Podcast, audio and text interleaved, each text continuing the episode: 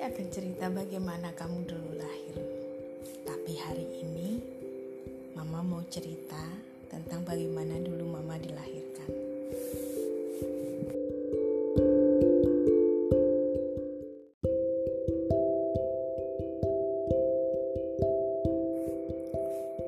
Mama dulu lahir waktu kondisi kandungan bayi uh, masih 8 bulan, tapi belum genap 8 bulan, hampir 8 bulan. Jadi, dulu mama itu lahir prematur dan harus diinkubator selama beberapa hari. Setelah lahir, mama harus ada di rumah sakit hampir 3 sampai 4 hari baru bisa dibawa pulang.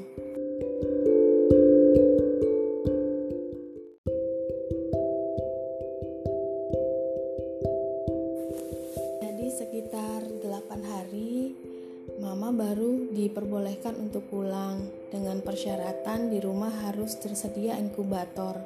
Sedangkan tahun 80-an itu inkubator sangat mahal sekali karena kondisi keuangan bayi ibu sama bapak kan belum memungkinkan. Akhirnya bikin sendiri kotak, dikasih lampu-lampu.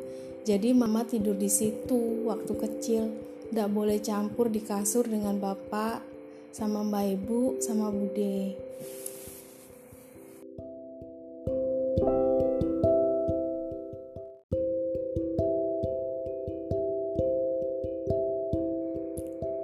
Ada kejadian yang sangat tidak bisa dilupakan saat itu sama mbak ibu sama bapak adalah pada saat mama usia 9 hari pagi hari Waktu itu setelah mama dimandikan, ibu, mbak ibu ya, itu lagi sakti pur. Lagi cuci-cuci, beres-beres. Nah, di kamar itu ada aku, uh, ada mama sama bude. Nah, karena bude masih usia 2 tahun, dia masih belum mengadik itu apa. Dikirain mama ini boneka gitu. Jadi ceritanya katanya mama ini ditumpuk-tumpuk sama bental habis itu uh, didudukin lah sama bude. Akhirnya mama kan nggak bisa nangis kenceng tuh. Cuman seharian mama itu nangis-nangis terus nangis terus berhenti. Nah kejadian yang paling mengerikan waktu itu jam 2 pagi. Katanya mama ini sudah henti nafas. Udah nggak bernafas dan dinyatakan meninggal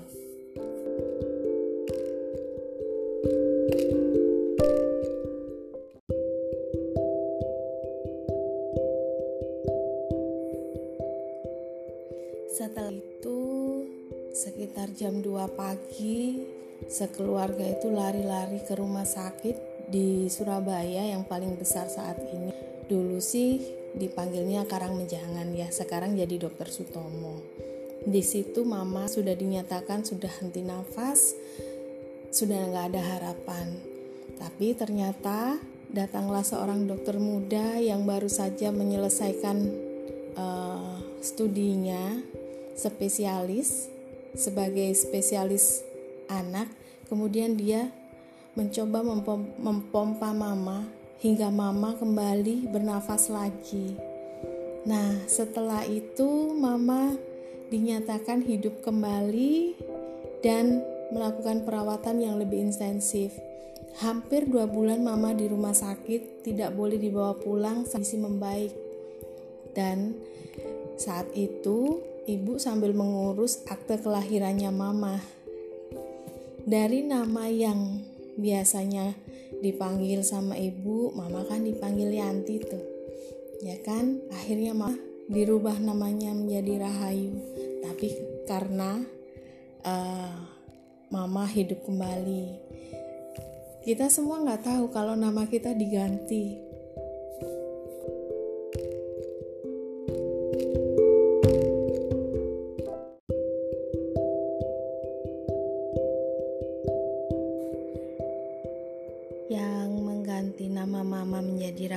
itu adalah dokter yang menyelamatkan mama.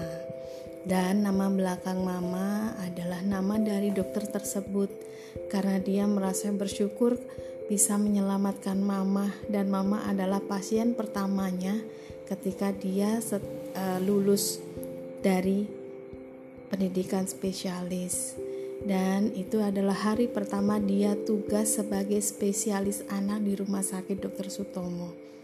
Itu adalah cerita dari Mbak Ibu waktu mama dilahirkan.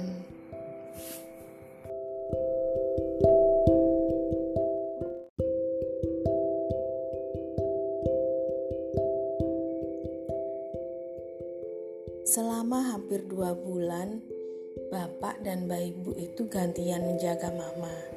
Jadi kalau bapak jaga pagi, mbak ibu yang jaga malam. Nah, di sini ada cerita yang sedikit horor waktu mbak ibu jaga mama malam hari. Nah, sekitar jam 2 pagi, mbak ibu itu pengen ke kamar mandi. Sementara antara ruangan nicu sama kamar mandi di Karangmenjangan itu agak sedikit jauh. Sebenarnya agak sedikit takut, ibu ceritanya seperti itu. Tapi mau bagaimana lagi karena terpaksa harus ke kamar mandi ya ke kamar mandi dulu. Nah setelah selesai ke kamar mandi, uh, selesai di kamar mandi maksud mama, mbak ibu itu keluar dan gak sengaja tiba-tiba ada bola yang dilempar ke arahnya ibu. Menurut ibu sih itu bola. Cuman ternyata begitu didekati dan dilihat dengan seksama, itu ternyata kepala manusia. Jadi, ibu, mbak ibu, lari sekencang-kencangnya ke ruangan Nicu. Dari situ, mbak ibu nggak berani lagi jaga mama di malam hari.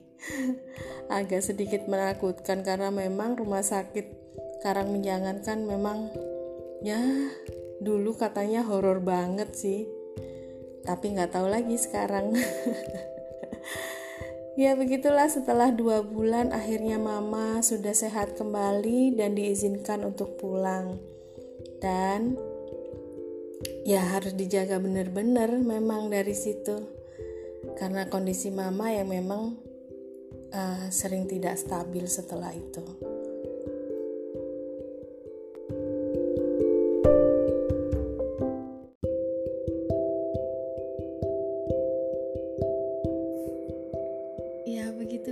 Sedikit cerita waktu mama dilahirkan.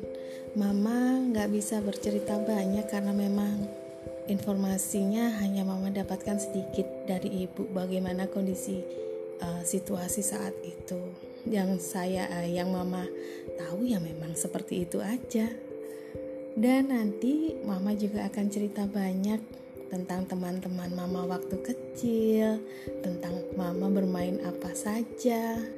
Jadi dengerin terus ya podcastnya mama karena mama bikin ini untuk kamu supaya kamu bisa tahu ceritanya mama dari mama kecil sampai mama sekarang.